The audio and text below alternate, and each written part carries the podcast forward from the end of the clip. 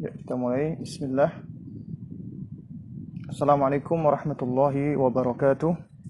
Innal hamdalillah nahmaduhu wa nasta'inuhu wa nastaghfiruh wa natubu ilaih wa na'udzu billahi min shururi anfusina wa min sayyiati a'malina.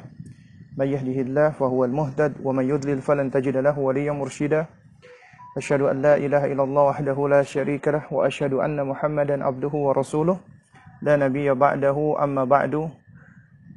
فإن أصدق الكلام كلام الله وخير الهدي هدي محمد صلى الله عليه وسلم وشر الأمور محدثاتها وكل محدثة بدعة وكل بدعة ضلالة وكل ضلالة في النار أما بعد إخوة الكرام para abah dan para ummahat ikhwan dan akhwat dan sahabat-sahabat sekalian yang dimuliakan Allah Alhamdulillah kita bersyukur kepada Allah Subhanahu wa taala yang mana di sore hari ini kita masih dipertemukan kembali oleh Allah. Ya kita masih uh, di dalam silsilah kajian dari Al-Arba'un Al-Jiyad fi Tarbiyat Al-Aulad yaitu 40 hadis seputar pendidikan anak. Ya. Dan di sore hari ini ya yaitu di tanggal 26 ya 26 Juni atau tanggal 6 Dzulqa'dah ya kalau saya tidak salah ingat atau 5 Dzulqa'dah 1441 Hijriah ya kita insya Allah akan uh, bertanya jawab ya berkenaan dengan kajian-kajian kita yang telah lewat yang telah lalu. Dan sebagaimana biasa ya tidak semua pertanyaan akan bisa saya jawab dan juga tidak semua pertanyaan bisa dijawab dengan dengan memuaskan penanya. Ya. Dan ini semua tidak lepas dari apa kekurangan dan kelemahan uh, apa saya pribadi ya yang bisa dikatakan jauh dari layak disebut sebagai seorang yang yang apa yang ngerti banyak atau bahkan sampai dikatakan pakar ya mana sallallahu alaihi itu sangat jauh sekali dengan masalah pendidikan anak. Karena sejatinya kita semua adalah sama-sama saling belajar ya. Kita semua adalah sama-sama penuntut ilmu dan kita semua masih berproses belajar dan masih banyak ilmu-ilmu yang belum kita ketahui banyak yang belum kita pahami sehingga kita harus terus ya terus belajar terus menuntut ilmu ya hingga nafas kita yang terakhir ya dan sebagaimana tadi di, dibuat di di flyer ya ada tulisan see you ya see you kan artinya kalimat perpisahan ya. Artinya sampai sampai bertemu kembali ya. Dan memang benar ya bahwasanya di kulli bidayatin nihayah setiap permulaan itu ya selalu akan ada akhirnya. Dan biasanya walikulli nihayatin bidayatun jadidah dan setiap akhir itu biasanya akan ada permulaan yang baru. Alhamdulillah sudah 12 pekan ya kita bersama-sama mengkaji risalah atau kutayib ini ya. Allah Subhanahu wa taala berikan kita waktu, kesempatan, kesehatan, semangat ya, hirs, ya, antusiasme dan seterusnya. Yang mudah-mudahan Allah senantiasa menambah taufiknya bagi kita dan menambah bagi kita ilmu yang bermanfaat dan Allah mengistiqomahkan kita sehingga kita bisa ya terus bersemangat di dalam menapaki jalan ilmu ini, jalan untuk mencari kebaikan. Dan kita memohon kepada Allah jangan sampai ya kita berpaling ataupun dipalingkan dia dari jalan ini karena ketika kita semangat, ketika kita ya masih dikaruniakan oleh Allah kesempatan untuk bisa belajar, bisa menuntut ilmu, maka ini nikmat yang besar. Ya, nikmat yang sangat besar yang harus kita syukuri. Ya. Dan juga mungkin di awal-awal betapa banyak orang ya dengan adanya wabah pandemi ini itu mengisi waktu luangnya dengan belajar atau mengaji. Jadi ngaji atau belajar untuk mengisi waktu luangnya. Kemudian dengan berjalannya waktu alhamdulillah ya wa syukrulillah ya akhirnya kita tidak lagi ya uh, mengisi waktu luang dengan menuntut ilmu, tapi kita memang meluangkan waktu untuk menuntut ilmu. Kita memang ya menentukan di antara waktu-waktu kita itu memang kita butuh untuk menuntut ilmu. Bahkan Al-Hafidh Ibnu Qayyim rahimahullahu taala ya, beliau sampai mengatakan bahwasanya manusia itu ahwaju ilal ilmi, lebih butuh kepada ilmu dibandingkan butuh kepada makan dan minum. Kenapa? Karena kalau kita makan dan minum itu sehari cukup dua kali atau bahkan tiga kali. Tapi kalau kita kebutuhan kita terhadap ilmu itu kita membutuhkan ilmu di dalam setiap desahan nafas kita. Di dalam setiap kita menghirup nafas dan menghembuskan nafas. Kita selalu butuh ilmu. Ya.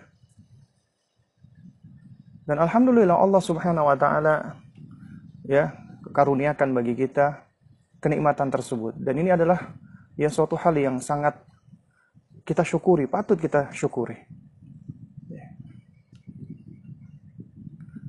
Ya mungkin ini adalah kajian kita yang terakhir untuk membahas kutayib ini. Artinya kita sudah menghatamkan risalah Al-Arba'un Al-Jiyad fi Tarbiyatil Aulad. Ya. Meski di dalamnya mungkin ya masih banyak uh, apa kekurangan-kekurangan ya apa sebagaimana apa saya manusia biasa yang pasti banyak apa kekurangannya? Ya pasti pasti di dalamnya akan ada kita dapati adanya ya, apa apa kekurangan-kekurangan. Tapi ya di balik itu ya, dengan kita terus belajar menuntut ilmu, maka insya Allah ya Allah Subhanahu Wa Taala akan semakin menambahkan ya ilmu bagi kita. Ketika ilmu ditambahkan insya Allah Allah akan menambahkan taufiknya bagi kita Allah akan Allah akan menambahkan pemahaman bagi bagi kita dan ini di antara tanda ketika Allah menghendaki kebaikan bagi seseorang. Bukankah Allah sendiri yang, uh, bukankah Rasulullah Shallallahu Alaihi wa ala alihi sendiri yang mengatakan, ya man apa namanya, yuridi Allahu bihi khairan yufakir fid din. Siapa yang Allah Subhanahu wa taala inginkan baginya kebaikan, maka Allah akan fakihkan dia, fahamkan dia tentang urusan agamanya apalagi yang berkaitan dengan kemaslahatan untuk diri dan keluarganya. Baik, uh, sebagaimana biasa di sesi tanya jawab kita akan coba dahulukan untuk menjawab beberapa pertanyaan yang sudah masuk yang dikumpulkan oleh teman-teman panitia dari Mujahadah dan juga dari teman-teman Kobar, ya. Baru kemudian nanti kita akan membuka sesi tanya jawab bagi teman-teman yang ingin bertanya langsung atau dari chat ya. Baik, ini coba saya jawab dulu ya pertanyaan yang masuk pertama ya. Wah ini kecil amat ya. Uh, Afan Ustadz, Ana ingin bertanya, Ana memiliki teman mu'alaf baru satu tahun dan belum fasih sholatnya. Apakah metode mengajarkan tauhid kepadanya sama dengan metode anak yang kita pelajari? Kemudian apakah jika Ana mencoba mengenalkan tauhid dari ilmu yang Ana dapat dari kajian atau membaca, namun tidak hafal dalil dihitung berbicara tanpa ilmu atau seakan-akan atau seakan-akan atau seakan-akan ngustad. Oh. Mohon penjelasannya Ustaz. Barakallahu fiq. Ya wafiq barakallah. Baik. Yang perlu kita pahami bersama ya. Kita bisa lihat bahwasanya para nabi dan rasul semuanya diutus oleh Allah Subhanahu wa taala itu tidak lain dan tidak bukan adalah anikbudullah wajtanibut taghut yaitu untuk menegakkan peribadatan hanya untuk Allah Subhanahu wa taala dan menjauhi togut. Togut itu artinya adalah ya apa namanya uh, kullu man yu'bad atau apa apa ubidah ya min dunillah wa huwa radin. Ya segala sesuatu yang disembah, diagungkan, ya dikultuskan selain Allah dan dia itu ridho dengannya. Itu namanya togut. Artinya ketika dia dikultuskan atau disembah, dia ridho. Kalau dia nggak ridho, maka dia tidak boleh disebut dengan togut. Misalnya malaikat. Ada yang menyembah malaikat Jibril. Kita nggak boleh mengatakan malaikat Jibril itu togut. Karena malaikat Jibril tidak ridho dengan disembah. Ataupun contoh lain lagi adalah Isa alaihissalam, ya. Jadi Nabi Isa alaihissalam atau disebut dengan orang-orang Nasrani dengan Yesus, ya. Beliau disembah, akan tetapi beliau tidak ridho, sehingga kita nggak boleh menyebut dia sebagai togut. Contohnya togut adalah Fir'aun alaihi laknatullah. Ya, karena ketika dia diseru, diajak oleh Nabi Musa alaihissalam, dia dengan pongahnya, congkaknya, dan sombongnya dia mengatakan, Ana rabbukumul a'la, aku adalah Rabbmu yang paling tinggi. Ya, Nah ini yang disebut dengan togut. Togut artinya orang-orang ataupun siapa saja yang disembah, diagungkan, dikultuskan, ya sama atau melebihi Allah Subhanahu Wa Taala dan dia ridho dengannya. Itu togut. Dan para nabi dan rasul itu diutus oleh Allah Subhanahu Wa Taala dalam rangka untuk menegakkan peribadatan kepada Allah. Karena memang inilah untuk inilah kita diciptakan Allah. Ya, untuk inilah kita diciptakan Allah. Nah karena itu makanya dakwah kita nggak boleh lepas dari namanya dakwah tauhid, dakwah fitrah. Ya, dakwah yang mengajak kepada tauhid dan meninggalkan kesyirikan. Dan demikian pula Rasulullah Shallallahu Alaihi Wasallam ketika mengutus Muadz bin Jabal radhiyallahu taala anhu ke Yaman, ya, Nabi nasihatkan ya, beliau katakan ya, ya hendaknya awalu man uh, ma tad'u ilaihim. Hendaknya yang kamu dakwahkan pertama kali untuk mereka adalah ya mereka mau mengucapkan la ilaha illallah. Ya mereka mau mentauhidkan Allah Subhanahu wa taala. Ya. Wa idza fa'alu dzalika apabila mereka sudah melakukan hal itu sudah mengucapkan la ilaha illallah dan sudah mentauhidkan Allah maka ajarkan ya setelahnya adalah salat lima waktu Baru kemudian setelah itu jelaskan ya bahwasanya ada hak dari harta mereka yang harus dikeluarkan ya bagi orang-orang miskin. Kemudian Nabi menasihatkan kepada Muaz untuk berhati-hati ya wa iyyakum ya apa namanya dan berhati-hatilah kamu wahai Muaz dengan do doanya al-mazlum, doanya orang-orang yang dianiaya atau dizalimi. Ini yang di di apa namanya di dinasihatkan oleh Rasulullah SAW. Karena doanya orang mazlum itu tidak ada hijab. Ya. Artinya sangat besar peluangnya di, diijabahi Allah meskipun dia kafir. Orang kafir dia dizalimi kemudian dia berdoa kepada Allah itu bisa jadi besar peluangnya diijabahi oleh Allah. Makanya ya Rasulullah mewanti-wanti hati-hati dengan doanya orang-orang yang dizalimi, orang-orang mazlum. Artinya meskipun kita punya kekuasaan, ya, meskipun kita punya apa nak kekuatan, kita Muslim, kita tetap nggak boleh menzalimi ya siapa pun, karena perbuatan zalim itu adalah buruk dan jelek, ya, hatta kepada orang kafir. Ya.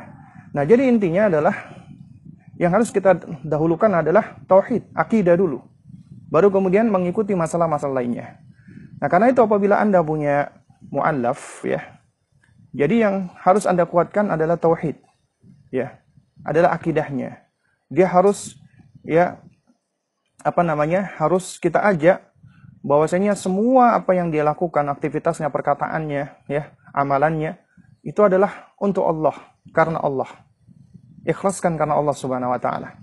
Ajarkan bahwasanya ada hak yang utama yang harus ditunaikan oleh kita, yaitu tauhid.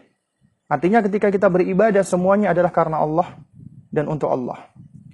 Baru kemudian kita jelaskan tentang ya haknya Rasulullah yang mana Allah utus Rasulullah itu untuk menyampaikan wahyunya. Ya. Allah memerintahkan kita ibadah. Tapi kita nggak bisa ibadah dengan benar. Kita nggak bisa ibadah sebagaimana yang diinginkan Allah, yang diridhoi Allah, dicintai Allah, kecuali dengan cara kita mengikuti Rasulullah. Karena Rasulullah yang paling tahu bagaimana cara ibadah yang dikehendaki Allah. Sehingga ajarkan agar kita ya meniru dan dan mencontoh meneladani Rasulullah.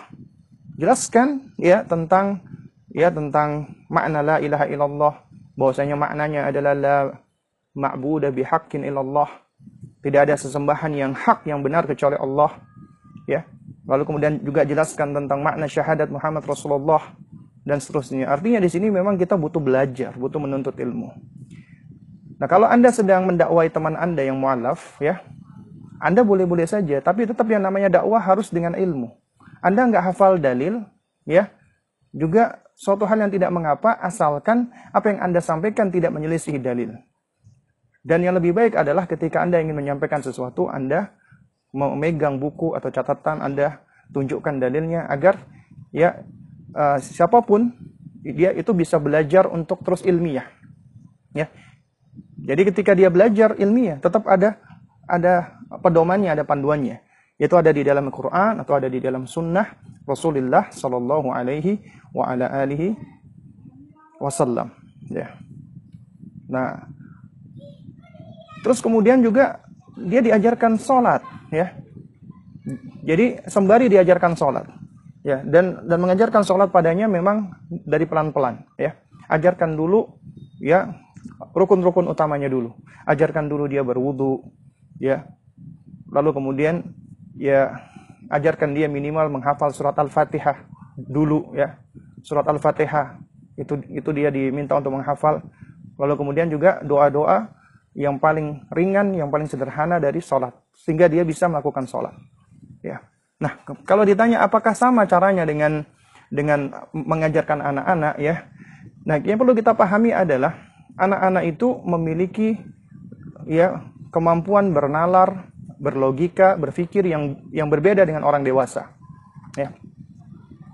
Nah, sedangkan dia ini orang yang sudah dewasa, yang mana logikanya seharusnya sudah sudah lebih sempurna dibandingkan anak-anak. Sehingga tentunya pendekatan kita di dalam mendakwai mereka beda sama kita mendakwai anak-anak dan anak-anak pun juga beda-beda dengan usia-usianya tadi.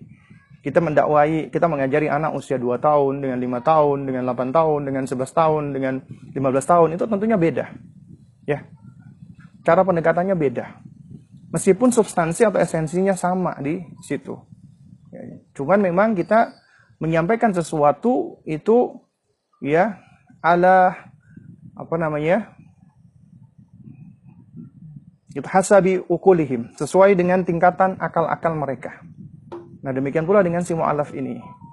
Kalau dia adalah seorang yang cerdas, misalnya kenalan kita teman kuliah biasanya ya teman-teman mahasiswa lebih lebih ini lebih apa lebih cerdas. Nah itu kita bisa mengajak ber, berbicara dari sisi logik gitu. Karena agama kita sebenarnya adalah agama yang ilmiah. Ya, agama yang logik ya. Ya, jadi kalau ditanya apakah metodenya sama dengan metode anak-anak, maka ya tidak juga sebenarnya. Karena ya ada hal yang yang apa namanya yang beda. Ya kecuali kalau dia juga sama-sama anak-anak ya. Maka ya kita kita sikapi sama dengan anak-anak. Ya ya wallahu a'lam bishawab. Kemudian pertanyaan berikutnya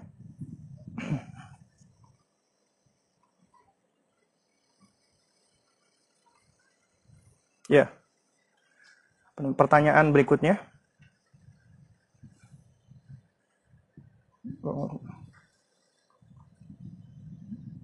Itu apa ini ya? Saya buka aja ya dari apa handphone ya. Mana ya coba pertanyaan berikutnya. Nah, sudah keluar ya. Sebentar, ini juga supaya enak saya baca dari handphone ya. Oh, kecil-kecil juga nih tulisannya nih. Ya. Oke, pertanyaan kedua ya adik Ana satu kelas 1 SMP kodarullah keluar rumah. Benar ya? Oh ya. Keluar rumah sembunyi-sembunyi ke warung tanpa izin ibu Ana. Lalu ibu Ana mendapat kabar dari pemilik warung dan memberitahukan kejadian tersebut. Ibu Ana khawatir. Karena adik Ana tidak izin terlebih dahulu dan tidak memakai protokol kesehatan seperti masker ataupun langsung cuci tangan. Lalu Ana berusaha mencoba untuk menenangkan ibu Ana agar tenang dan tidak langsung memarahi adik Ana. Di satu sisi, Ana mencoba menasihati adik Ana untuk tidak mengulangi hal tersebut. Apakah sikap anak sudah benar Ustaz? Anak khawatir menyakiti ibu atau adik anak. Mohon nasihatnya Ustaz. Agar anak bisa berada di posisi pertengahan. Jazakallah khair. Jazakallah khairan kathiran wa barakallahu fiki. Wa fik barakallahu wa jazakillahu khairan. Ya, ya ini di antara uh, apa kehebatan ya dari dari apa ya dari dari jamaah yang mengikuti kajian kita ini itu adalah adanya kakak-kakak yang luar biasa, masya Allah ya, yang sangat yang sangat concern sekali sekali dengan keluarganya, ya mungkin masih belum punya anak, akhirnya adiknya yang diperhatikan dan ini adiknya sudah kelas 1 SMP. Artinya adiknya sudah balik ya. Nah, jadi yang perlu kita lakukan adalah memang secara asal ketika kita mengingatkan ya kepada siapa pun, termasuk kepada adik kita, itu dengan cara yang hikmah, yang lemah lembut ya. Itu secara asal. Dan perlu yang perlu kita garis bawahi bersama adalah yang namanya hikmah itu tidak mesti selalu dengan lemah lembut. Ya, tidak selalu dengan lemah lembut. Hikmah itu adalah syai' fi mahallihi. Melakukan sesuatu sesuai dengan eh, menempatkan sesuatu sesuai dengan tempatnya, porsinya. Artinya Kadangkala kita perlu pula bersikap tegas sesuai dengan hajat, sesuai dengan kebutuhan. Apabila dibutuhkan, kita butuh untuk bersikap tegas. Ya. Tapi secara asal memang lemah lembut. Kita punya adik nih, cowok misalnya laki-laki. Ya. Kita ingatkan baik-baik misalnya dia nggak ngedengerin. Ya, dia tidak mendengarkan. Ya. Tapi ketika kita agak apa namanya ngegas dikit ya, kemudian kita kasih ancaman-ancaman dan usia anak ketika dia sudah di atas 10 tahun sudah murahik itu sudah boleh ya kita menyampaikan sesuatu dalam rangka untuk membangkitkan rasa takutnya kepada Allah itu dengan ancaman boleh nah tapi anak-anak kecil jangan kita ancam-ancam dulu ya jangan dulu kita kita berikan ancaman-ancaman tapi ketika mereka sudah sudah murahik sudah sudah balik apalagi, boleh kita bawakan ayat-ayat wa'id, ancaman-ancaman dari Allah, termasuk ancaman-ancaman dari uh, pendidiknya. Ya. Ancaman dari apa namanya pendidik. Kita boleh mengancam adik kita misalnya, "Dek, kamu kalau keluar, Dek, ya, kamu kan tahu kalau sekarang kita lagi dalam kondisi berbahaya ini ada COVID-19. Ya, kalau perlu kita tunjukkan data-datanya, fakta-faktanya, video-videonya. Ya. Terus juga kalau perlu kita jelaskan, mungkin kamu oke, okay, kamu Allah kasih kamu ya fisik yang kuat. Tapi ibu, ibu gimana? Atau nenek atau orang-orang yang lebih lebih tua. Yang mana kamu bisa menjadi penyebab menyebarnya penyakit ini gitu loh. Ya. Apa namanya? Uh, menyebarnya penyakit COVID-19 ini ke dalam keluarga gitu loh. Apakah kamu tega? Nah, ini boleh kita kita menyampaikan seperti ini boleh. Karena dia sudah sudah memiliki uh, apa ya namanya? kemampuan untuk bernalar yang yang sudah optimal. Jadi kemampuan log, logiknya, logisnya itu sudah sudah main di situ sehingga kita boleh kita berikan semacam ketegasan-ketegasan ancaman-ancaman supaya dia mikir gitu loh, supaya dia ngerti gitu loh. Kenapa sih dia tuh luar, apa ah, dia keluar? Ini juga juga satu hal yang yang patut kita cari tahu gitu. Kenapa dia keluar misalnya ke warung sebelah misalnya? Ini juga suatu hal yang kita patut mencari tahu alasannya, apa motifnya. Jadi sebelum kita juga apa ya langsung memberikan dia nasihat ataupun juga langsung menyalahkan misalnya, kita coba cari tahu dulu. Ya.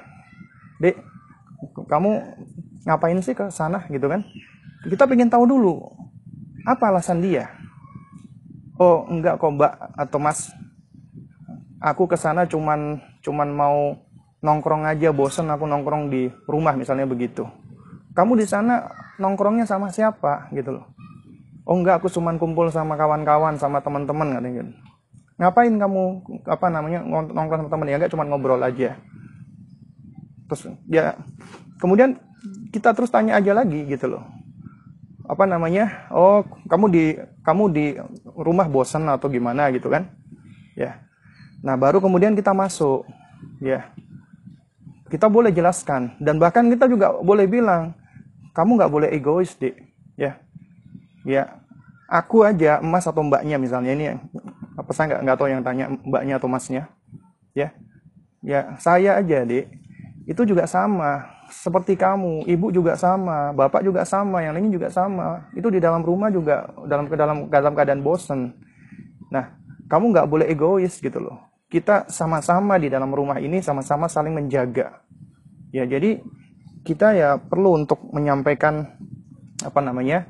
Bahwasanya dia juga punya peran di situ, dia punya tanggung jawab, dia bagian dari dari keluarga, dia adalah uh, anak juga yang kita apa yang yang ibu juga uh, perhatian sama dia, khawatir sama dia kalau ada apa-apa, kita juga sama, kita juga khawatir kalau dia kenapa-kenapa.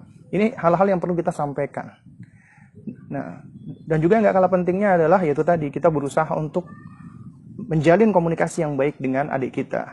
Agar supaya ya dia ada masalah, dia mau ngobong ngobrol sama kita dan kita pun juga ya jangan segan-segan untuk ngomong dan mendengarkan apa yang dia sampaikan. Ya.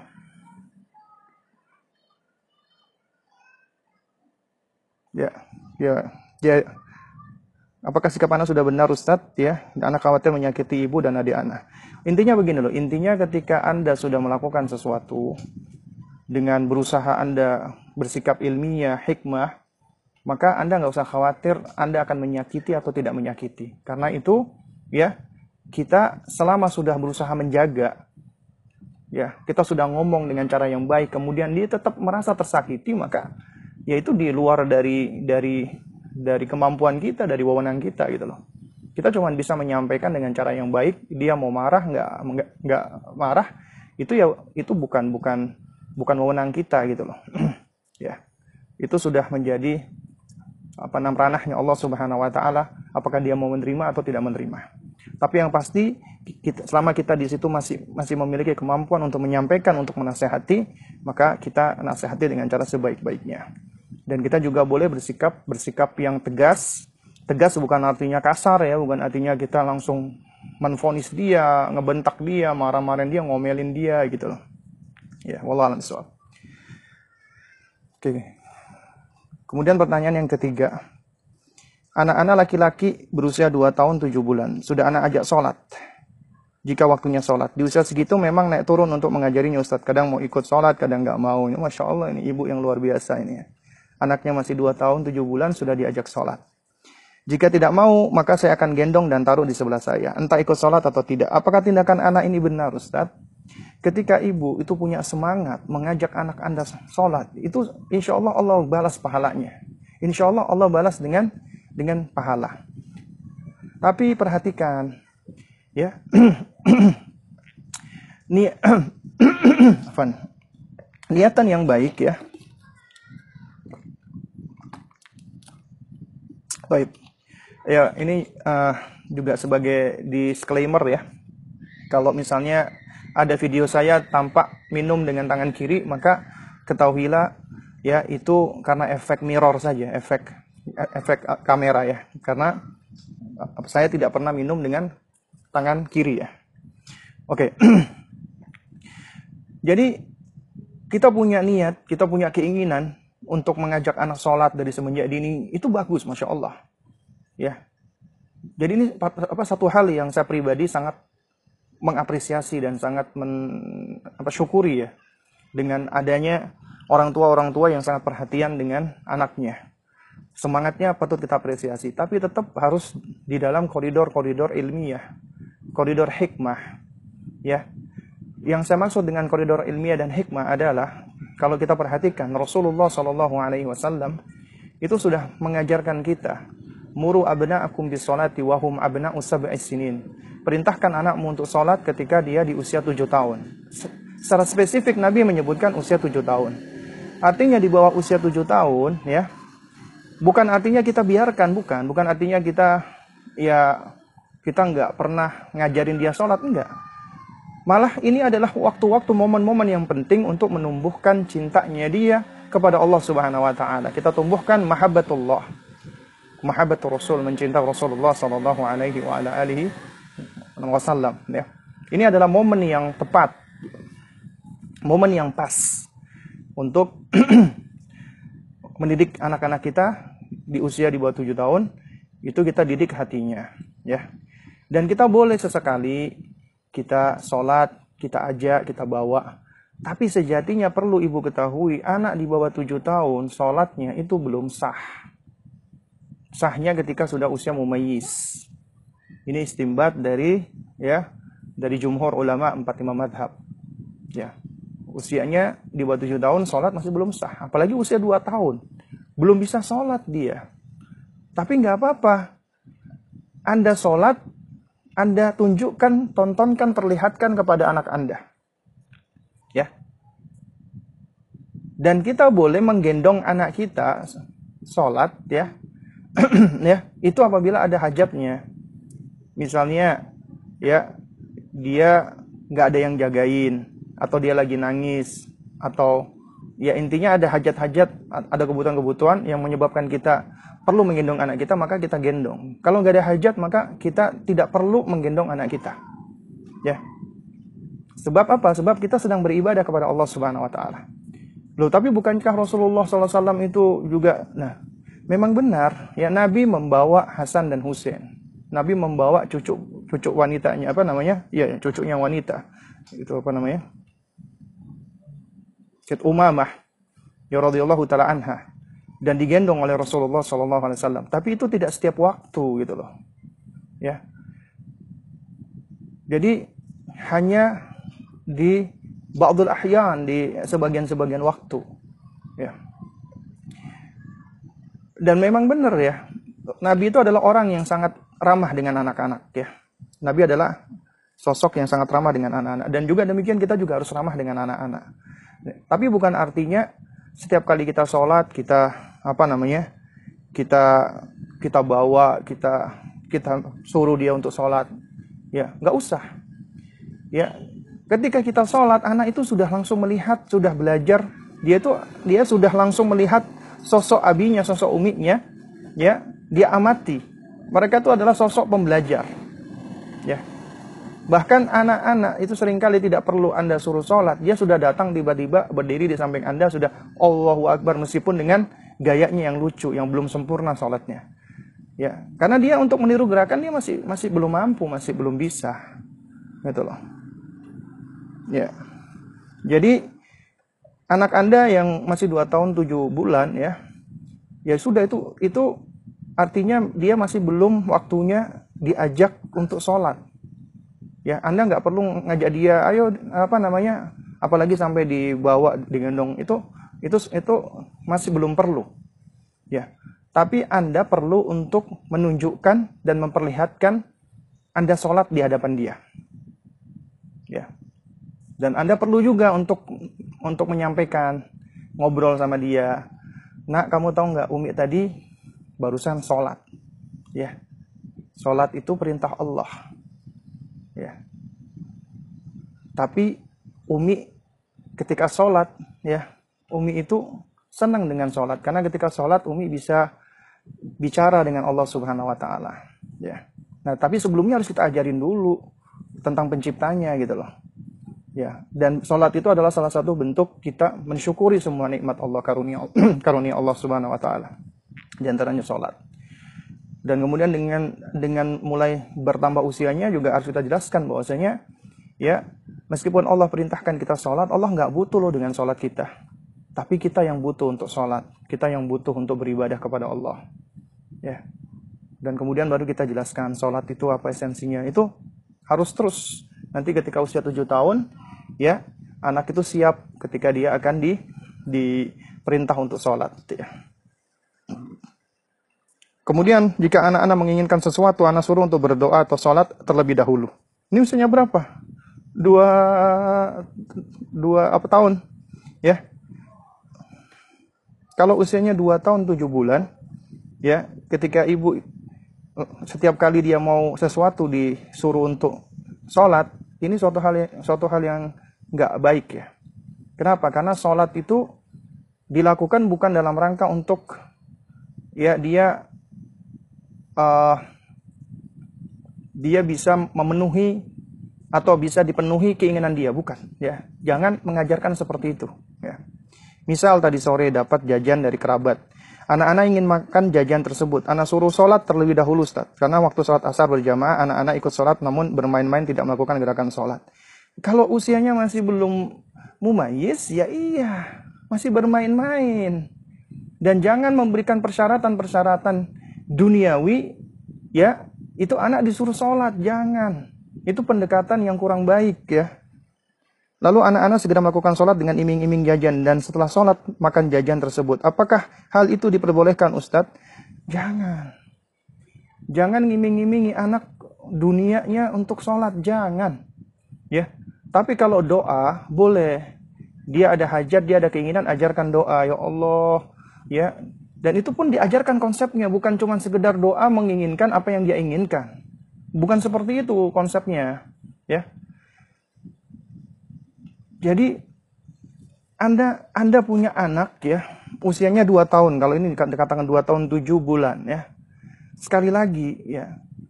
Jadi untuk menumbuhkan rasa cintanya dengan sholat, jangan dilakukan dengan cara seperti itu gitu loh. Apalagi diiming-imingi dengan jajan, dengan ini, jangan. Ya. Tapi tumbuhkan imannya, kenalkan dia dengan penciptanya, jelaskan bahwasanya semua apa yang ada yang dia yang dia senangi, yang dia sukai, yang dia lihat, yang dia dengarkan itu semuanya adalah ciptaan Allah Subhanahu wa taala. Ya. Itu semua adalah pemberian dari Allah Subhanahu wa taala termasuk dirinya, termasuk ibunya. Umi ini nak ya diciptakan Allah. Ya Umi ini ya Allah ciptakan ya itu ya di antara tugas Umi itu adalah untuk menjaga kamu, memelihara kamu, menyayangi kamu dan seterusnya. Nah. Dan yang menciptakan Umi adalah Allah. Jadi yang punya Umi adalah Allah. Kamu juga sama, kamu adalah milik Allah Subhanahu wa taala. Mata kamu, telinga kamu, badan kamu, tubuh kamu, kaki kamu dan seterusnya itu yang menciptakan Allah. Ya, Allah kasih ke kamu. Jadi kita harus ber, bersyukur kepada Allah. Ajarkan dulu konsep syukur, baru kemudian ajarkan konsep sabar pada anak-anak kita. Ya. Terus kemudian kalau misalnya anak ingin sesuatu dalam urusan duniawinya, ya, jangan diajarkan ya udah kamu sholat dulu, jangan seperti itu. Jangan mengajarkan anak itu sholat dalam rangka meraih urusan dunia, jangan. Ya, beda loh ya. Beda konsep reward and punishment. Anda memberikan hadiah atas amal solehnya. Misalnya dia sholat taraweh ataupun dia puasa, kemudian Anda berikan hadiah berupa materi dunia, itu boleh. Ya, tapi tentunya dengan cara tetap mengajarkan kepada dia, ya, pahala dari Allah jauh jauh lebih baik.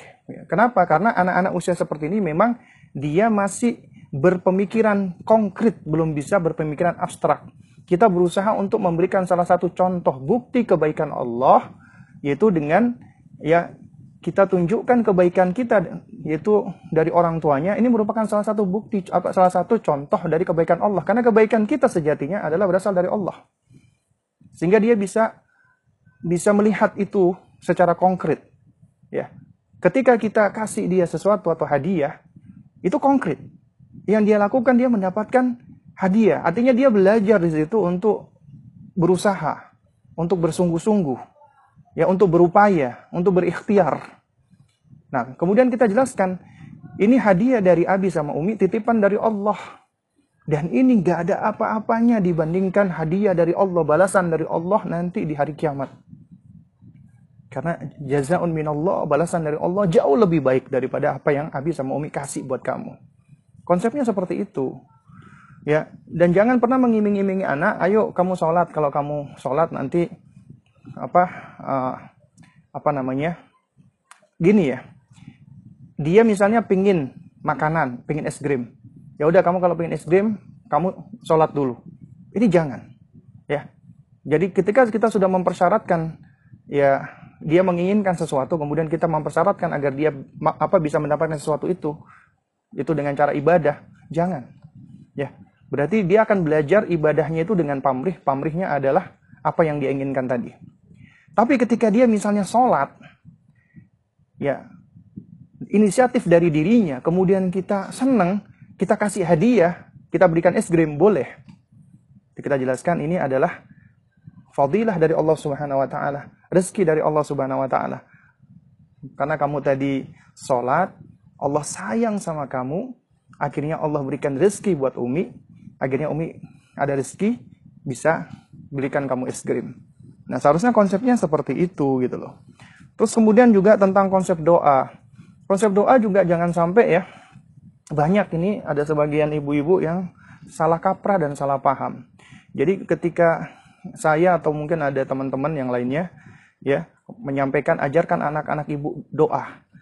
Ya misalnya dia kepingin apa ajarkan untuk untuk doa. Idza sa'alta fas'alillah wa idza sta'anta fasta'in billah. Kalau mau minta minta kepada Allah, mau mohon tolong, mohon pertolongan, mohon pertolongan kepada Allah. Tapi ternyata dipahami dengan cara yang salah, ya. Ketika kita terangkan, ibu-ibu punya anak, misalnya anak ibu pengen es krim.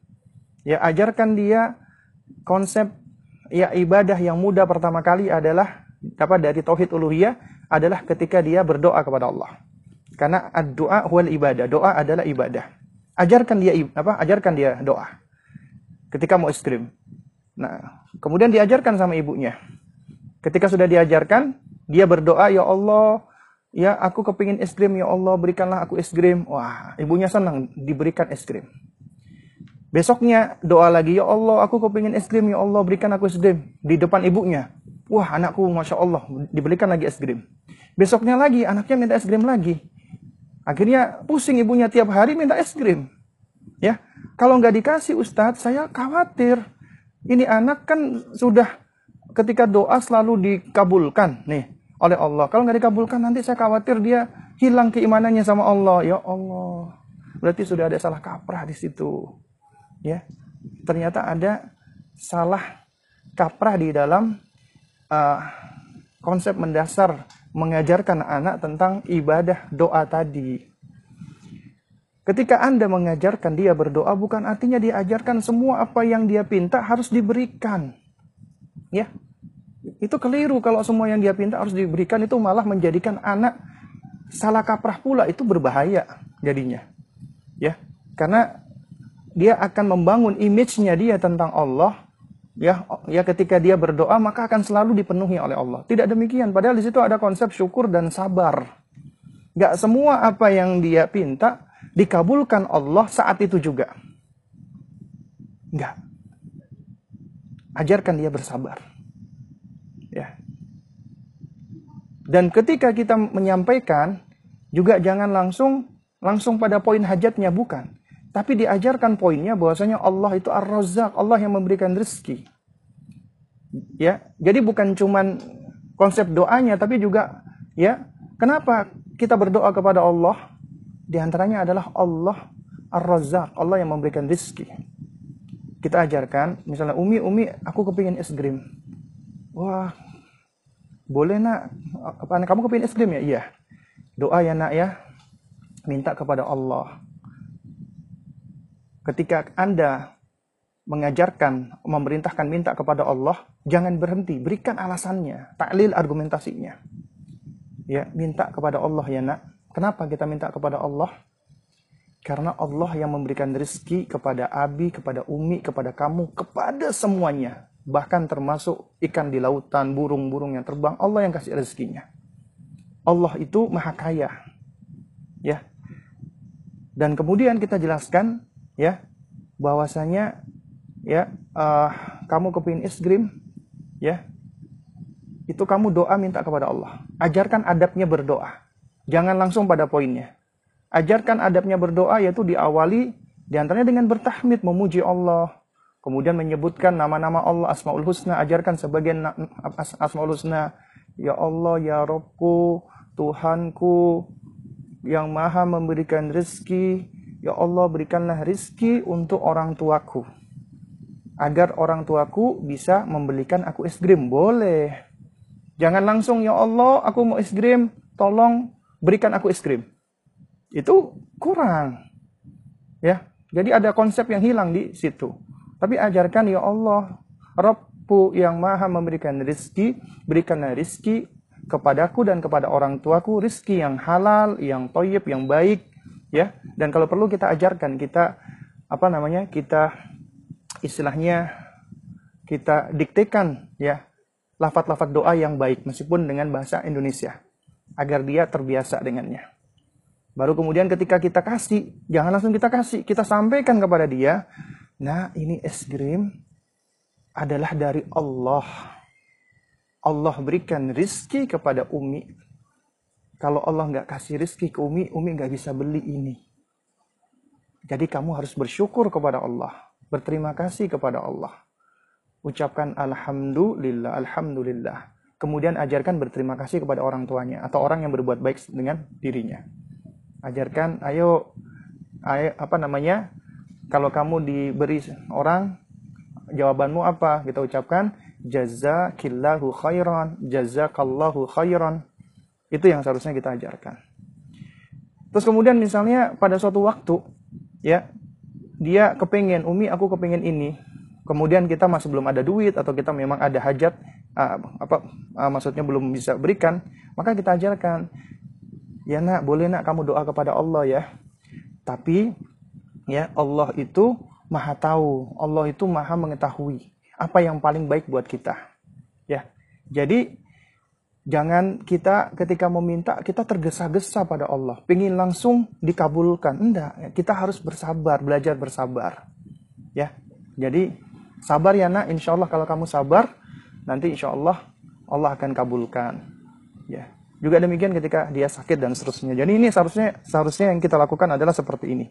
Ya, jadi jangan sampai keliru ya. Jangan sampai kita salah konsep, jangan sampai kita salah pendekatan kepada anak kita. Itu berbahaya, ya.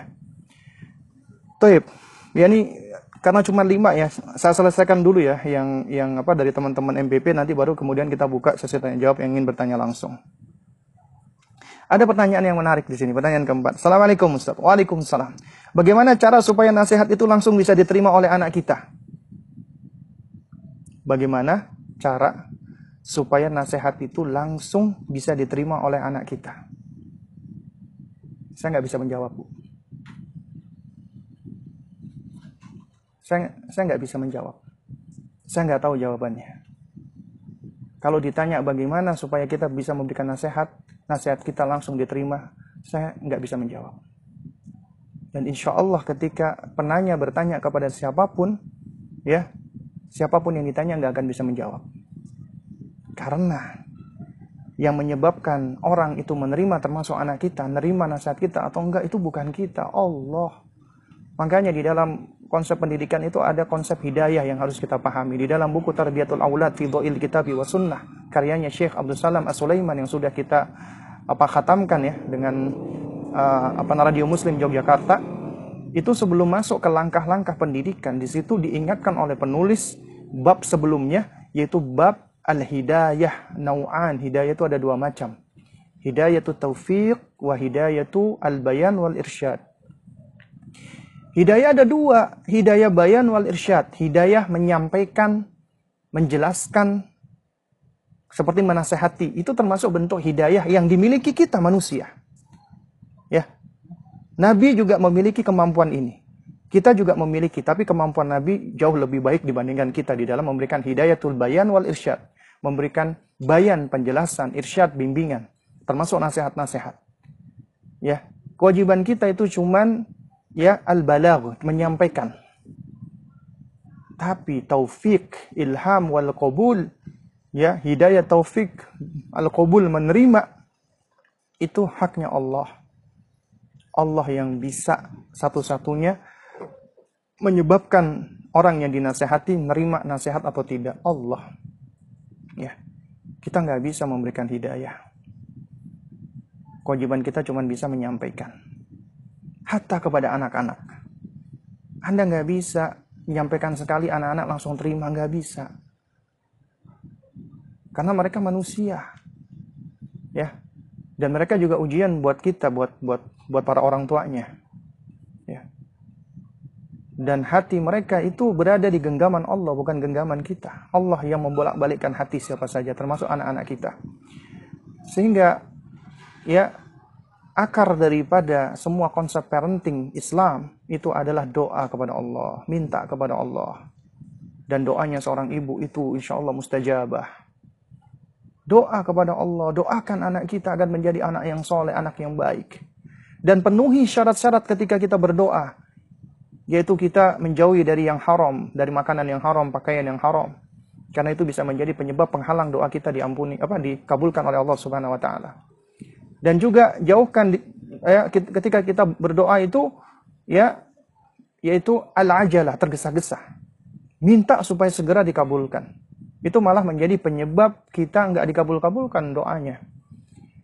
Kemudian ketika doa kita belum dikabulkan, ketahuilah doa itu ibadah. Ketika Anda berdoa, Anda sudah beribadah kepada Allah. Allah balas dengan pahala. Allah sayang dengan hamba-hambanya yang beribadah dan berdoa kepadanya, meminta kepadanya, bermunajat kepada Allah. Artinya ketika Anda belum dikabulkan oleh Allah, berarti Anda bisa berlama-lama, berpanjang-panjang bermunajat kepada Allah. Anda bisa mengumpulkan betapa banyak pundi-pundi pahala ketika Anda bermunajat kepada Allah. Karena Allah senang hamba-hambanya yang bermunajat, merendahkan dirinya, membutuhkan Allah, fakir, ya merasa butuh kepada Allah Subhanahu wa taala. Dan kemudian ketika Anda meminta sesuatu belum dikabulkan, ya. Bisa jadi karena itu adalah sesuatu yang baik buat Anda. Karena bisa jadi ketika dikabulkan Anda malah lupa lalai dari Allah. Karena keinginan Anda sudah dipenuhi. Makanya ada seorang salaf sampai mengatakan ya, dia mengatakan, ya, aku memiliki hajat, kemudian aku berdoa meminta kepada Allah, Allah kabulkan, maka aku bersyukur kepada Allah. Kemudian aku berhajat dengan sesuatu, aku berdoa meminta kepada Allah, Allah tidak kabulkan, aku bersyukur dua kali kepada Allah. Sahabatnya bertanya, loh, kok bisa demikian? Kemudian apa jawabannya? Jawaban beliau, ketika aku berhajat dengan sesuatu, itu adalah keinginanku.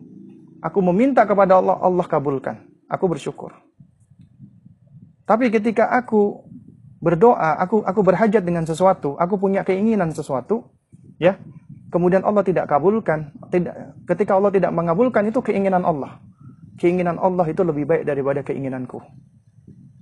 Kehendak Allah itu lebih baik daripada kehendakku. Sehingga ketika Allah tidak kabulkan, dia lebih bersyukur. Inilah puncaknya apa kona'ah yang sebenarnya ridho dengan semua apa yang Allah berikan. Ketika kita kena musibah, itu ada tingkatannya. Ya. Nah, tingkatan hamba-hamba Allah yang baik adalah ketika dia ditimpa musibah, dia bersabar. Sabar dia. Ya, dia bersabar. Begitu beratnya ujian, dia bersabar. Tapi ada yang lebih tinggi lagi dari tingkatan orang-orang yang bersabar ketika ditimpa musibah apa? Ridho dengan keputusan Allah. Yakin ketika dia ditimpa musibah, dia yakin ini adalah kebaikan untuk dirinya. Dia semakin mendekat kepada Allah. Dia semakin uh, apa namanya? semakin ya, merasa bahwasanya ujian ini menyebabkan dirinya semakin dekat dengan Allah dan dia meyakini hadis Nabi Shallallahu Alaihi Wasallam ketika Nabi bersabda ya Inna Allah idha ahabba abdan ibtalahu. Sesungguhnya Allah apabila mencintai seorang hamba Allah mengujinya Allah ngetes dia. Itu loh. Ya. Nah oleh karena itu makanya ibu-ibu sekalian anak kita ujian buat kita. Kita itu dituntut bersabar. Nggak bisa kita instan. Nggak bisa kita itu apa tergesa-gesa Ketergesa-gesaan itu dari syaitan, ya. Itu di dalam sebuah riwayat ya. Rasulullah pernah bersabda, "Inna apa namanya? nih sesungguhnya ketenangan yaitu bukan ketergesa-gesaan minallah, datangnya dari Allah. Wa innal ajalah dan ketergesa-gesaan itu sesungguhnya minasyaitan, dari syaitan. Karena itu makanya konsep mendidik anak itu adalah gak melihat hasil. Bukan hasilnya, tapi prosesnya. Sejauh mana kita berikhtiar kemudian bertawakal kepada Allah, maka selebihnya kita serahkan kepada Allah. Jadi bukan artinya semua ucapan kita, nasihat kita itu harus diterima anak, enggak. Ya, kita kepengen ucapan kita, nasihat kita diterima oleh anak, tapi ternyata di situ ada ada rintangan-rintangannya, ada tahapan-tahapannya. Nggak bisa kita tiba-tiba ngomong langsung anak nerima itu, ya nggak bisa kecuali dengan izin Allah. Karena semuanya ada di tangan Allah Subhanahu wa taala. Ya. Nah, jadi ya pertanyaan yang keempat apa saya nggak bisa menjawabnya.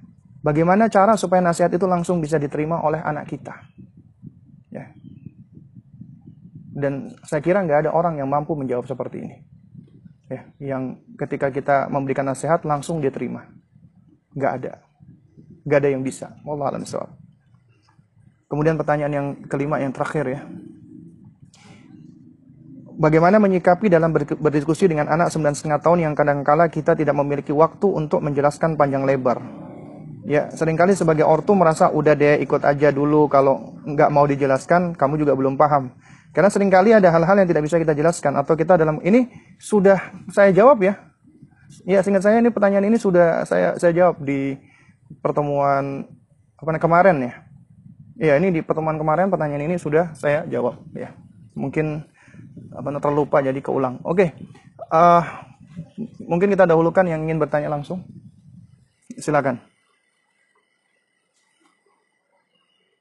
Yang ingin bertanya bisa raise hand ya.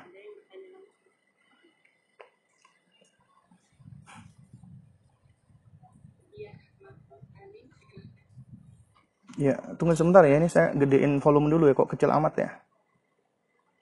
Ya, silakan.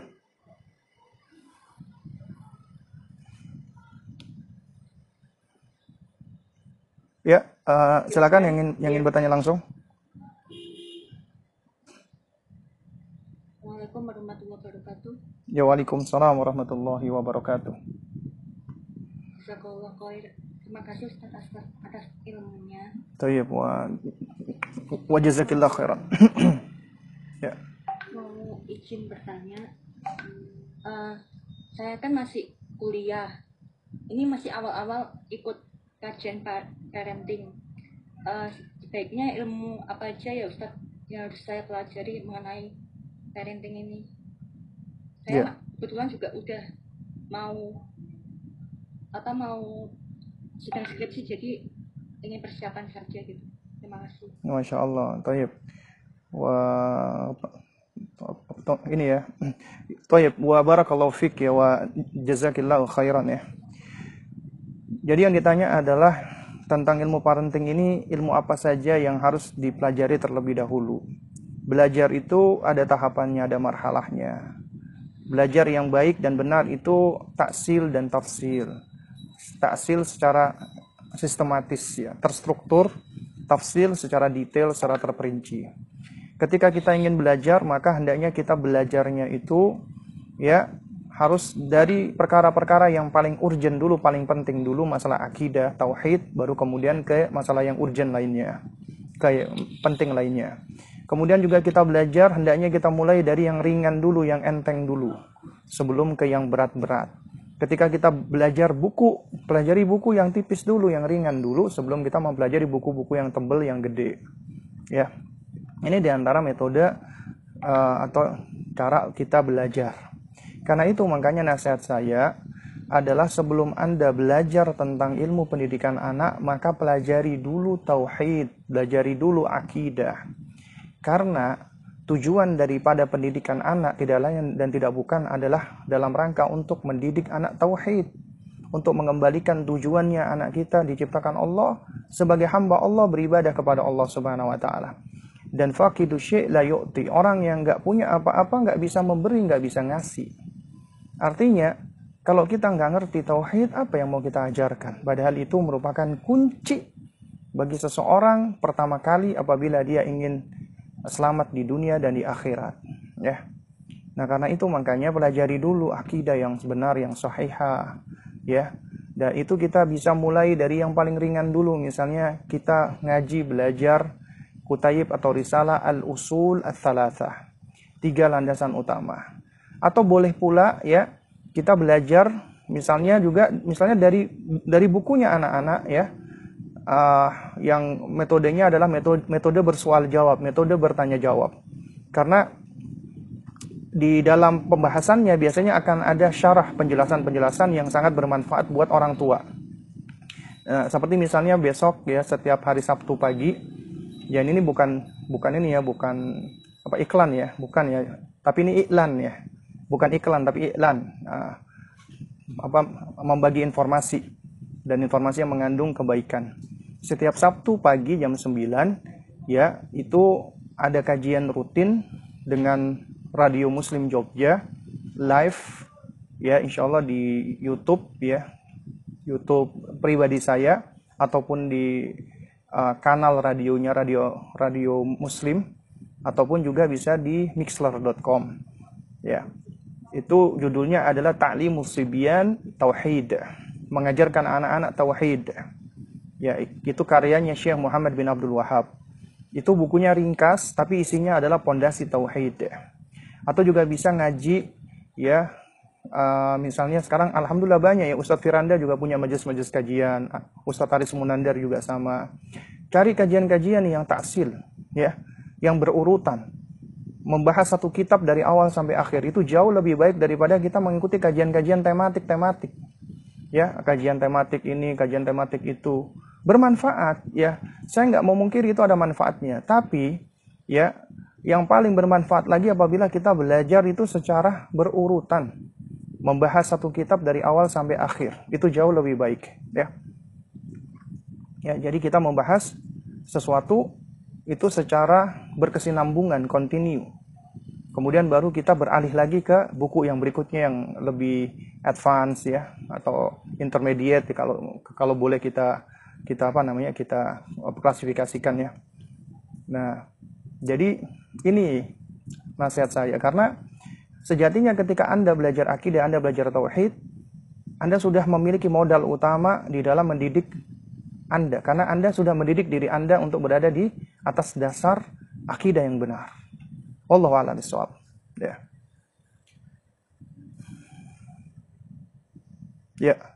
Afwan Ustaz. Ya. Ini mau lanjut yang pertanyaan di slide karena masih ada total 8 pertanyaan. Oh, ada 8 ya. Oke. Okay. Ya kalau belum ada pertanyaan lagi kita kembali lagi ke slide ya. Udah ada di chat Ustaz? Atau mau dahulukan? Udah ada di chat ya. Coba saya lihat di chat dulu ya biar biar ini ya. Saya dapat. bacakan atau bagaimana? Ah? Coba sebentar. Saya coba geser dulu ya saya lihat ya. Ya ini ada pertanyaan ya dari apa namanya saya uh, apa namanya nggak usah disebutkan nama ya. Ustadz Ana mempunyai anak laki-laki baru balik dan setahun yang setahun lagi mau melanjutkan melanjutkan sekolah atau mondok. Namun akidah dan fitrah imannya masih lemah dan terkena syubhat bermain internet, game dan lain-lain. Ini kena syahwat ya. Apakah keputusan memasukkannya ke pondok walaupun anak belum mau itu benar atau harus mengikuti keinginannya? Jazakallah khair. Wa jazakillah khairan. Baik ya. Uh, para ayah dan para bunda yang dimuliakan Allah Subhanahu wa taala. Ya anak itu sebagaimana kita ketahui adalah amanat dari Allah tanggung jawab kita. Artinya yang paling berkewajiban untuk mendidik mereka adalah kita orang tuanya. Tapi memang diperbolehkan kalau anak-anak kita sudah siap, apalagi sudah balik ya ini merupakan bagian dari pendidikan kemandirian, apalagi untuk anak laki-laki kita boleh pondokkan. Tapi sebelum kita pondokkan, kita persiapkan dong anak kita Nah, di antara bentuk persiapan itu adalah dengan cara kita memotivasi dia, membentuk ya uh, apa namanya uh, semangat dia agar dia mau untuk dipondokkan. Ya. Nah, jadi ketika Anda punya anak usia misalnya sudah usia SMP, Anda nggak pernah mempersiapkan tiba-tiba dipondokkan, dia merasa dibuang itu sama orang tuanya. Atau pondok akan kesulitan karena apa? Karena hanya menerima anak-anak ya mohon maaf yang dibuang ya, mohon maaf ya kalau bahasa saya kasar ataupun yang dititipkan. Padahal tugasnya pondok bukan sebagai tempat itu, bukan. Itu tempat pendidikan yang mana orang tua dengan pondok itu adalah mitra, partner, ya. Jadi saling bekerja sama di situ. Nah, karena itu ketika Anda punya anak, maka tugas kita sebagai orang tua untuk mempersiapkan dia agar dia ready siap untuk memasuki dunia pondok pesantren. Bagaimana caranya? Sedangkan dia ternyata dikatakan di sini terkena syubhat akidah ya. Ini apa namanya? Awalnya saya kira tadi kena kena syubhat akidah seperti apa gitu ya. Jadi apa ternyata suka main game, main internet itu syahwat ya. Jadi di antara senjata syaitan itu ada syubhat dan syahwat. Ya. Syubhat dan syahwat. Ya, syahwat itu merusak akhlak, merusak karakter. Syubhat baru merusak akidah. Ya. Nah, tapi memang benar kadang-kadang internet atau game-game itu juga bisa turut merusak akidah itu memang bisa ya. Ya, tapi eh, secara umum itu adalah syahwat. Nah, yang perlu saya sampaikan di sini ya, dan ketika mohon maaf ya, ketika saya menyampaikan sesuatu ya jangan jangan jangan dianggap saya uh, menfonis tidak ya, ataupun saya menghujat tidak ada. Jadi ketika saya menjawab sesuatu dan menyampaikan sesuatu itu sebagai bahan untuk introspeksi kita bersama. Ya, sebagai bahan introspeksi kita bersama. Baik. Uh, apa sebelum ya, sebelum apa saya jawab ya, izinkan saya sedikit sedikit bercerita ya. Ketika saya membaca status salah satu dokter spesialis anak domisili di Bandung ya. Mungkin ada teman-teman yang di Bandung kenal dokter apa, Faisal ya. Beliau punya akun Instagram. Uh, waktu itu saya sempat membaca salah satu statusnya dia.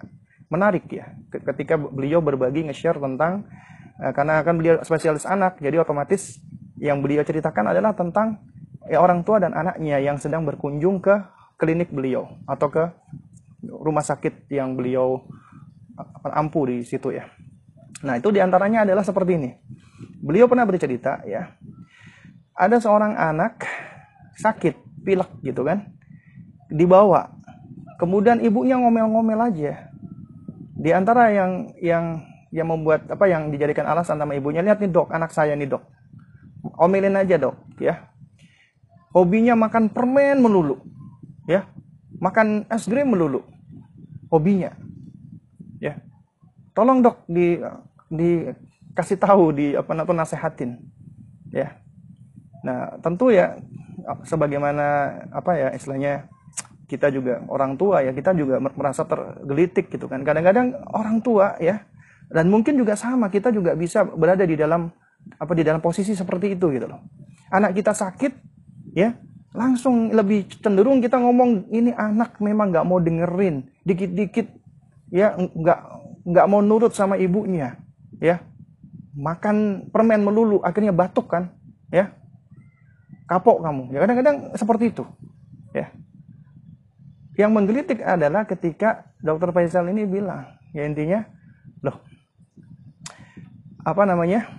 Ya jadi ketika beliau menyampaikan ya intinya apa ber, bertanya ya itu sebenarnya juga menohok ya ketika beliau mengatakan ya kalau anak ibu sudah bekerja, sudah punya uang sendiri, bisa beli permen sendiri, baru saya mau ngomelin. Baru saya mau marahin dia gitu loh.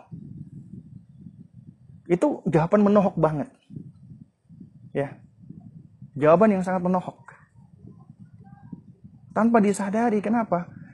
Ternyata si ibu ini yang memfasilitasi orang tuanya memfasilitasi ngasih dia duit sehingga dia beli permen. Ketika dia sudah beli permen sakit, yang disalahin anaknya. Dia lupa dirinya memfasilitasi. Makanya dokter Faisal tadi jawabannya bagus banget. Ya ketika ibunya minta tolong dok, tolong dikasih tahu dok, tolong omelin anak saya. Ya, saya akan omelin bu. Kalau anak ibu kerja, udah dapat duit sendiri gitu loh. Berarti dia itu atas pilihannya sendiri karena dia sudah kerja, dia beli sendiri. Ini dia difasilitasi loh. Ya, juga sama ternyata orang tua itu yang apa namanya yang yang menyesalkan ataupun bahkan yang menceritakan tentang uh, apa ya masalah mereka dengan anak-anak mereka yang sudah terbelenggu dengan gadget ya mereka lupa ternyata mereka loh yang memfasilitasi gadget itu nggak salah apa-apa ya tapi yang salah adalah orang tua yang memfasilitasi gadget dengan tidak cara hikmah anak belum waktunya, belum usianya sudah dikasih gadget. Kemudian kadang-kadang orang tua egois ya, mohon maaf, ada yang egois.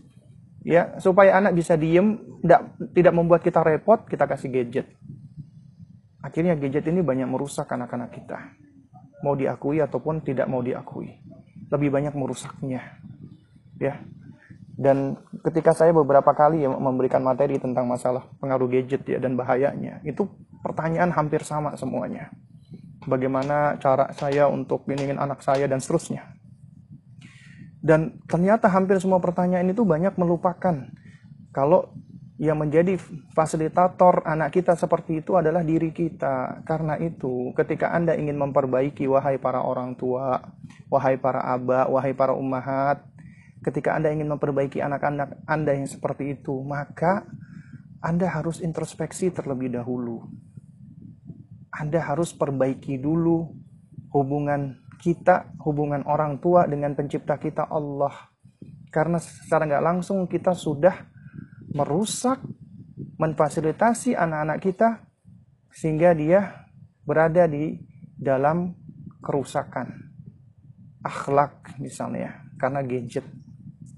Siapa fasilitatornya? Kita sebagai orang tua. Karena itu ya yang pertama kali kita lakukan adalah kita harus istighfar bertaubat kepada Allah dengan taubat yang sebenar-benarnya mohon ampun kepada Allah, minta maaf kepada Allah.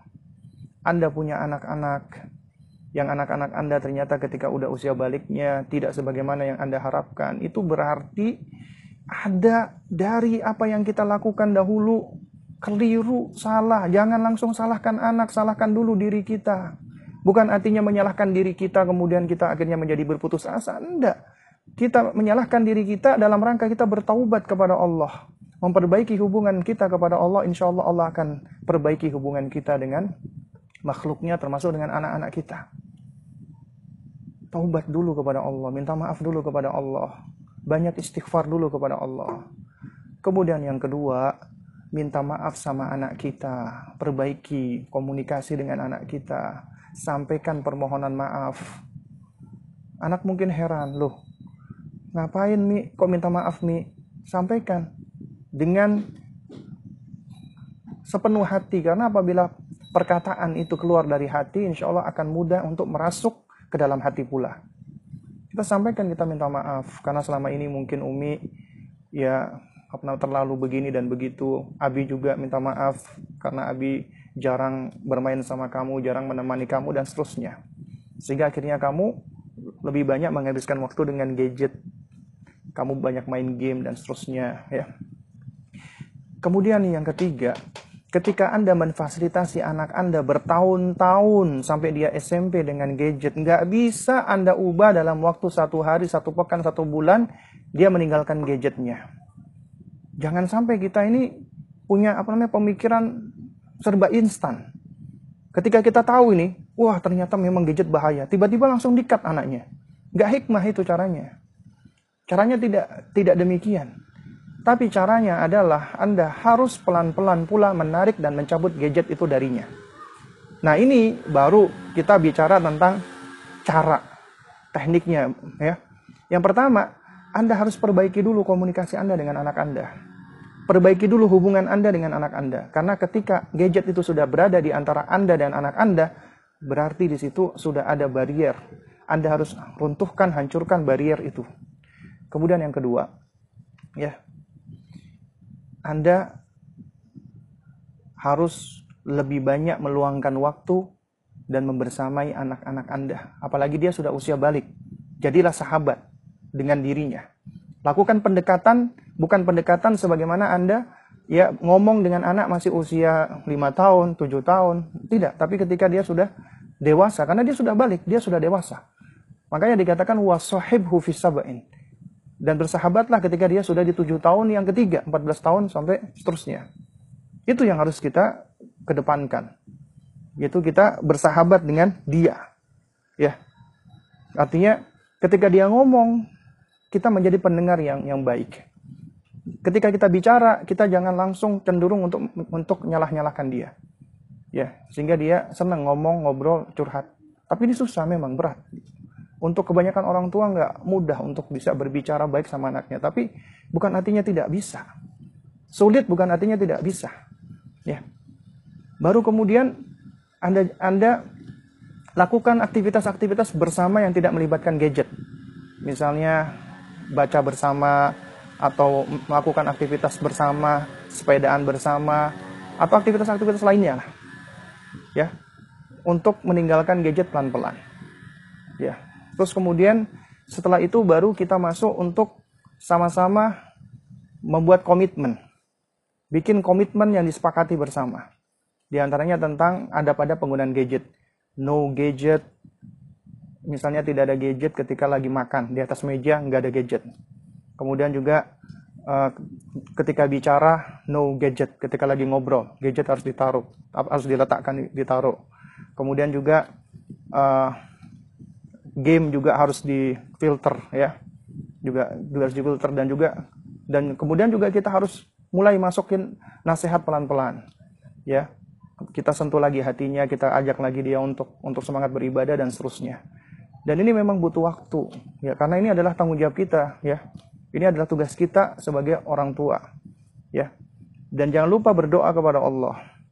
Ya insya Allah dengan kita melakukan ini, ya, insya Allah Allah akan bantu kita, Allah akan tolong kita, ya. Dan ya mudah-mudahan dia akan mau ketika dia hendak Eh, kita sekolahkan atau pondokkan. Dan kalau perlu juga kita perlu ya banyak bercerita. Kita ceritakan dia sosok-sosok orang-orang yang hebat, yang dia nanti bisa ngefans dengannya. Sahabat-sahabat Nabi yang muda-muda. Ya, ada Usama bin Zaid yang sudah menjadi panglima perang, ya. Ketika melawan tentara Bizantium, Romawi di Syam. Beliau jadi panglimanya, usianya masih 18 tahun. Beliau memimpin Abu Bakar, Umar, Ali, dan sahabat-sahabat senior padahal masih 18 tahun. Ya. Terus kemudian juga ya jelaskan tentang Abdullah Abdullah bin Abbas radhiyallahu taala anhuma.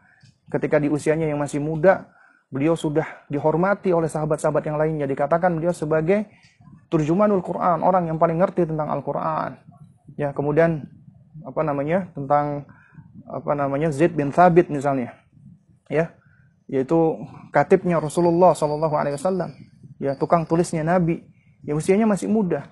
Dan kita perhatikan ternyata ya kayak apa Samurah bin Jundub radhiyallahu taala anhu dan masih banyak lagi sahabat-sahabat muda yang lainnya.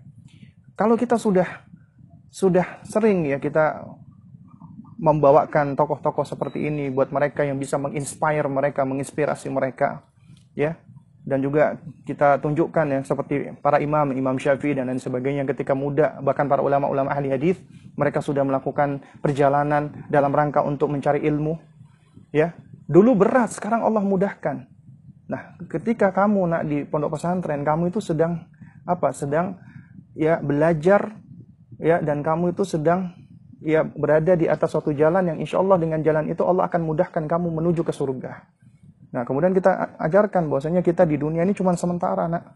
Abi sama Umi itu berharap kamu, Abi dan kita semua dikumpulkan oleh Allah di dalam surganya. Jadi kita sentuh hatinya. Ya Allah taala alam bisawab ya. Oke. Ya, silakan.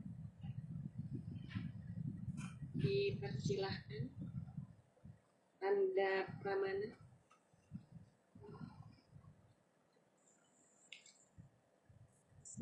Assalamualaikum warahmatullahi wabarakatuh. Ustaz. Ya, Waalaikumsalam warahmatullahi wabarakatuh. Uh, saya ingin bertanya tentang uh, anak saya ini kan umurnya kurang dari dua tahun. Mm -hmm. Jadi untuk persiapannya gimana ya Ustaz uh, pendidikan dia uh, kalau sudah melewati usia dua tahun itu gitu. Tayyip. Uh, yang bagaimana tuh bagaimana terus bagaimana menyikapi dia kalau dia tuh masih suka nangis nangis kayak gitu dia masih sedikit sedikit nangis gitu. Iya. Yeah. yang terbaik untuk anak usia dua tahun itu gimana ya Ustaz ya? Oke, okay, nah, baik. Baik ya. Uh -uh. Assalamualaikum warahmatullahi wabarakatuh ya. Uh, sebenarnya pertanyaan bagaimana itu memang ini membutuhkan jawaban yang yang tidak singkat sebenarnya karena ini bertanya tentang metode, cara, termasuk kurikulum untuk mendidik anak-anak apalagi di usia 2 tahun dan setelah 2 tahun. Ya artinya di situ memang memang ada ada ada tahapan ya ada proses yang harus kita lalui. Artinya ya ketika Anda ingin mencari tahu bagaimana cara mendidik anak Anda usia usia 2 tahun atau usia setelah 2 tahun itu suatu hal yang baik ya patut patut di, apa diapresiasi banget gitu loh Nah, dan ini sebenarnya ketika Anda mengikuti kajian ya saat ini misalnya itu ini ya mudah-mudahan bisa menjadi batu loncatan supaya kita terus belajar dan ngaji. dan alhamdulillah ya itu di di di kesempatan-kesempatan yang sudah lewat dan insya Allah ada kajian apa ada rekamannya bahkan ada ada pula yang sebagian teman-teman ya, umahat yang bahkan sampai meluangkan waktu untuk mentranskrip dan itu juga sudah disebarkan dalam bentuk PDF ya cuman itu masih untuk usia di atas 7 tahun ya uh, apa namanya enggak tapi ada apa namanya uh, yaitu mendidik anak uh, dengan tauhid ya, kalimat tauhid ya. Itu sebenarnya sudah dimulai dari usia sedini mungkin, dari usia dari semenjak lahir ya. Dan ini juga sudah saya jelaskan sebenarnya tahapan-tahapan atau proses-proses perkembangan anak ya dari usia 0 sampai 2 itu yang harus kita lebih fokuskan apa yang kita fokuskan adalah kita lebih banyak mentasmi dia memperdengarkan dia karena ya indera yang paling dominan pendengarannya kita banyak mentasmi Al-Quran, memperdengarkan Al-Quran. Kalau perlu setiap hari kita putarkan Al-Quran. Karena dia terbiasa mendengarkan Al-Quran. Karena Al-Quran apabila terbiasa didengar, itu akan merasuk ke dalam hati, akan menetap di dalam hati. Insya Allah Ta'ala. Apalagi anak kita itu sedang dalam fase dia seperti spons, menyerap semua apa yang ada di sekelilingnya. Kalau yang diserap adalah kebaikan-kebaikan, perkataan-perkataan baik, insya Allah itu juga akan akan baik di situ. Kemudian di usia setelahnya, mulailah dia muncul uh, rasa curiosity-nya, keinginan apa keingin tahuannya yang besar. Kemudian dia mulai mimikri mencontoh karena indera uh, apa nanti muhakah ya indera muhakah itu jihazul muhakah adalah indera dia untuk merespon dengan cara meniru, mencontoh. Karena apa yang dia lihat itu yang akan dia tiru, yang akan dia dia contoh. Nah, sehingga usia ini adalah usia yang penting bagi orang tua untuk lebih banyak menunjukkan kuduah dan uswah, contoh. Ya, jangan pernah kita uh, berkata atau melakukan sesuatu yang buruk di depan anak kita. Jangan pernah. Ataupun kita berdebat dengan suami di depan anak kita. Jangan. ya. Jadi ini adalah fase di mana mereka melihat. Karena karenanya makanya kalau Anda ingin mendidik anak, anak Anda untuk senang sholat, Anda sering sholat diperhatikan dia, di hadapan dia. Ya. Sholat di hadapan anak Anda. Ya, anak akan memperhatikan ibunya juga ketika keluar rumah pakai jilbab, pakai hijab, ketika di luar rumah dia nggak berhijab, ketika keluar rumah dia berhijab, itu akan diamati sama anak. Dan itu yang akan ditiru dan dicontoh sama mereka. Karena ini metode belajarnya manusia seperti itu. Ya. Nah, karena itu fase ini adalah fase kita ya mulai ajarkan adab. Mengajarkan adab dengan cara mencontohkan. Mulai dari bangun tidur sampai kembali lagi ke tidur, tapi tentunya dengan tahapan-tahapannya. Terus kemudian juga kita sudah mulai menstimulasi karena dia sudah apa ya aktivitasnya tinggi ya dikatakan oleh Syekh eh, Ahmad bin Nasir At-Tayyar di dalam bukunya Kaifa Turabbi Abna'aka itu anak seperti ini ya itu di antara karakternya adalah uh, kasratul harokah banyak bergerak aktif artinya ketika itu dia memang banyak berlari banyak bergerak aktif ya kita sebagai orang tua harus ngerti jangan kita larang-larang ketika dia lagi banyak bergerak itu bagian daripada proses belajarnya dia. Ah, kamu kebanyakan gerak sih, diem aja, duduk aja. Kamu kenapa sih? Apa, apa kok nggak bisa diem? Jangan seperti itu, gitu loh. Bahkan kita itu sebagai orang tua harus belajar bagaimana supaya bisa menstimulasi motorik halus dan motorik kasarnya. Nah, mungkin inilah pentingnya adanya sekolah-sekolah anak usia dini. Tapi sejatinya orang tua yang ngerti, dia bisa menstimulasi itu di dalam rumahnya.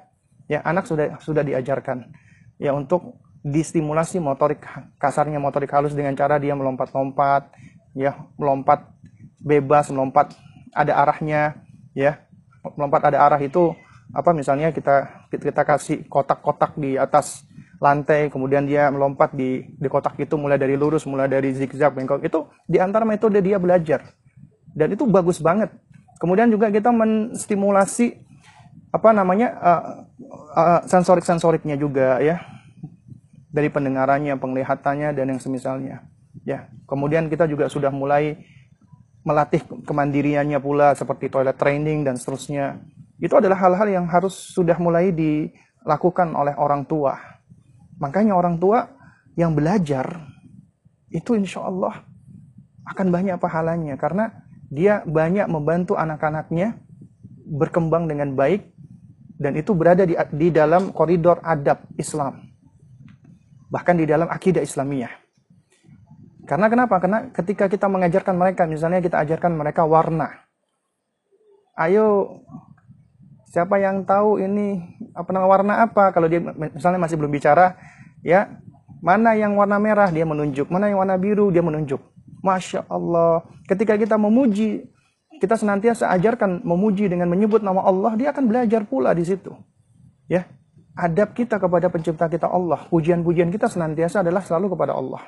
Masya Allah, Barakallahu fiq. Dia akan terbiasa mendengar lafdul lafdul jalalah, nama-nama Allah senantiasa disebutkan. Ya.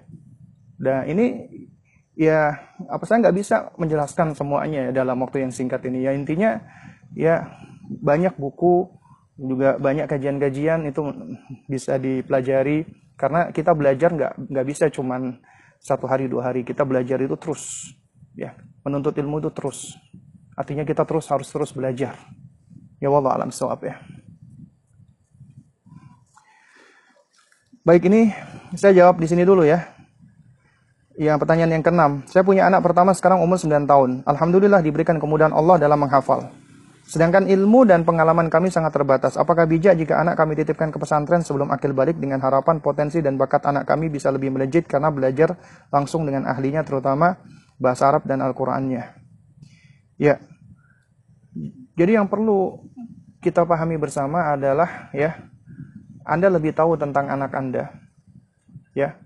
Dan Anda lebih tahu tentang kesiapan anak Anda.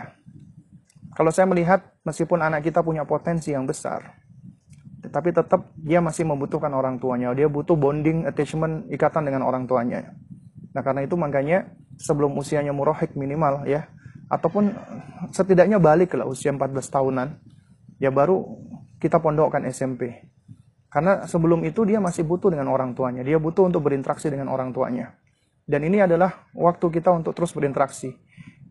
Bukan artinya ya kita uh, pengalaman kita kurang, ilmu kita terbatas. Itu seharusnya tidak menjadi alasan buat kita ya bagi kita untuk terus belajar, membersamai anak kita di dalam belajar pula. Ya. Dan juga kita sebenarnya bisa cari alternatif-alternatif sementara misalnya guru-guru tahfidnya atau kita ikutan kelas tahfid ya. Baru nanti ketika memang sudah waktunya usianya baru dia dipondokkan. Itu insya Allah jauh jauh lebih baik ya. Allah alam bisawab Ustadz bagaimana menurut Ustadz tentang sistem persekolahan kita yang banyak mempelajari mata pelajaran? Ya ini sebenarnya sudah saya beberapa kali sudah menyinggung masalah ini ya. Sedangkan anak-anak tidak minat dengan semua mata pelajaran yang ada. Kita sebagai ortu sering dilema bahkan untuk HS pun harus ikut minimal lewat pakai eh, lewat apa namanya eh, PKBM ya untuk mendapat mendapatkan raport dan mendapatkan ijazah di kelas 6 nanti. Kami butuh ijazah untuk daftar di pondok misalnya saat anak masih SMP. Bagaimana pendapat Ustaz? Jazakallah khair. Ya wa jazakumullahu khairan ya.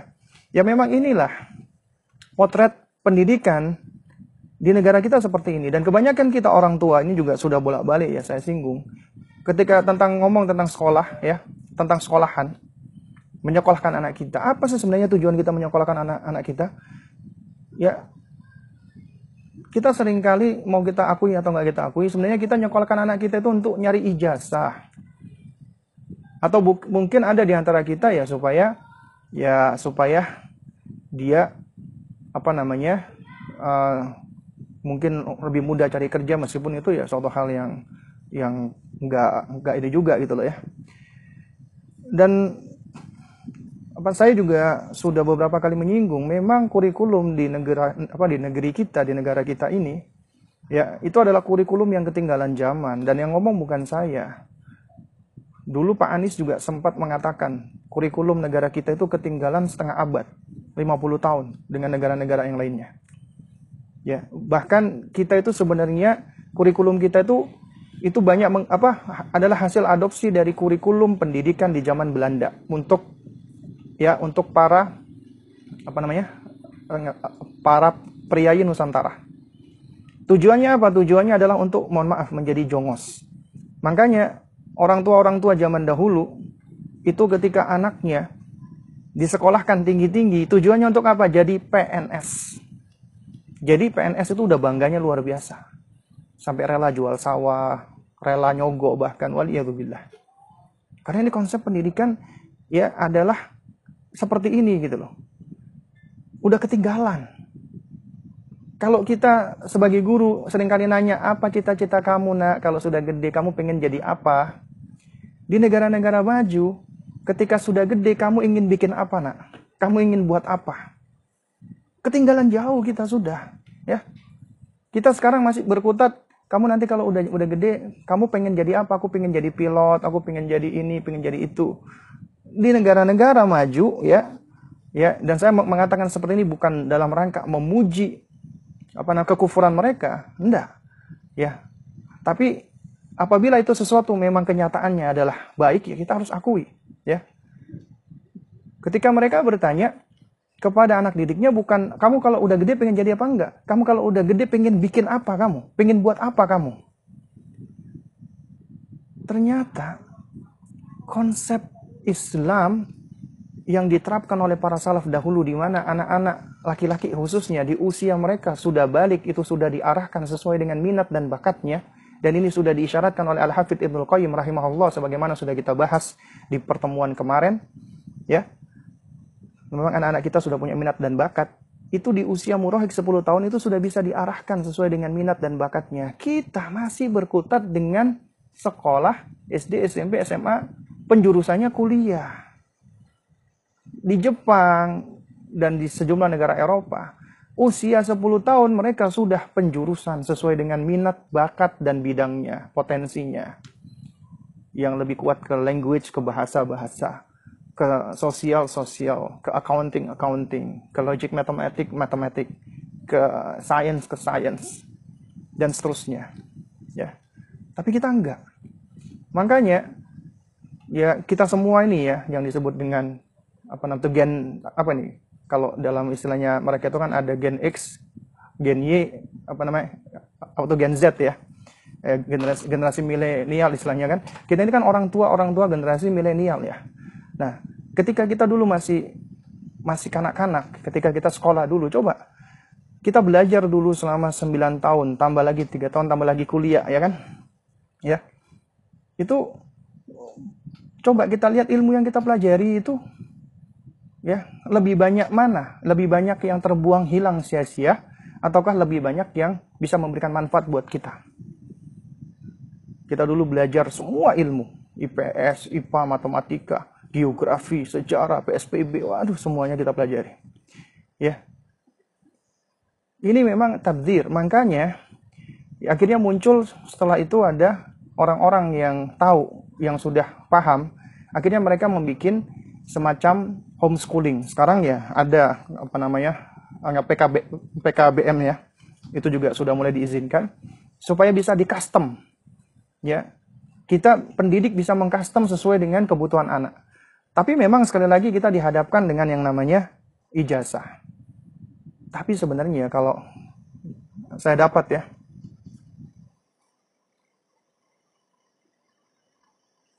Ya, ini sepertinya putus ya.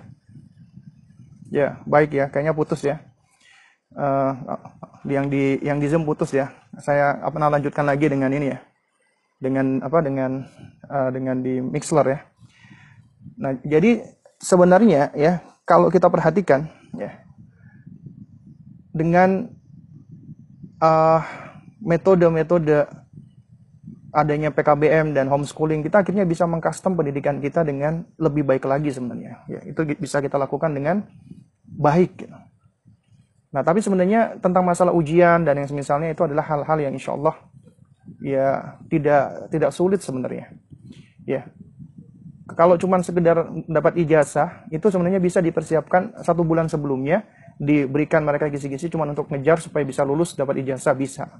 Ya, itu cuma untuk mengejar ijazah doang. Baik, ya mungkin ini yang dapat saya sampaikan ya dikarenakan sudah putus ya uh, koneksinya. Mudah-mudahan yang sedikit ini bisa memberikan manfaat.